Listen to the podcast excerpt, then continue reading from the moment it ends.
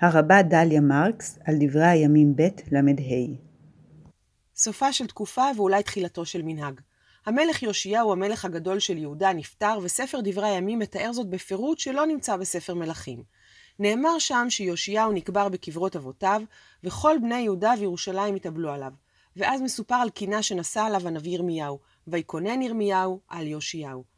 הפועל לקונן מופיע בתנ"ך פעמים אחדות, הוא מופיע לראשונה בקשר לקינת דוד על שאול ויונתן. הצבי ישראל על במותיך חלל, איך נפלו גיבורים, וכולי. ובהמשך קינתו של דוד על אבנר בן נר. לאחר הקינה של ירמיהו באה קינה ציבורית של נשים וגברים כאחד, ויאמרו כל השרים והשרות בקינותיהם על יאשיהו.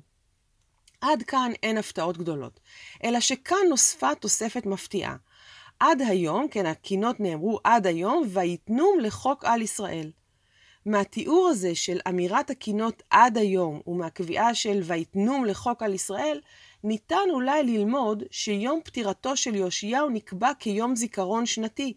עד היום, כלומר לפחות עד זמנו של מחבר ספר דברי הימים. כי ביום הזה היו כל השרים והשרות, כלומר כל בעלי ובעלות התפקיד הליטורגי המוגדר, אומרים קינות מיוחדות לזכרו של יאשיהו, המלך החשוב האחרון ביהודה. אם כך הוא הדבר, ואנחנו לא יכולים להיות בטוחים, אבל יש סברה לא פחותה שכן, הרי שיש כאן הופעה ראשונה, גם אם נקודתית, של מנהג ציון יום השנה של נפטרים.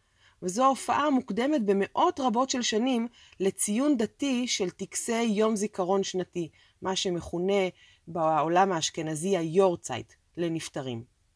המנהג הזה התגבש באשכנז בימי הביניים, כן, להעלות את זכר הנפטרים ביום פטירתם, ולא כפי שמקובל בקרב, בקרב עמים אחרים ביום הולדתם, להדליק נר נשמה, לומר קדיש לזכרם, לעלות לקברם, לקיים שם טקס קצר לעילוי נשמתם וכולי. והמנהג הזה התפלשת עד מהרה בכל עדות ישראל.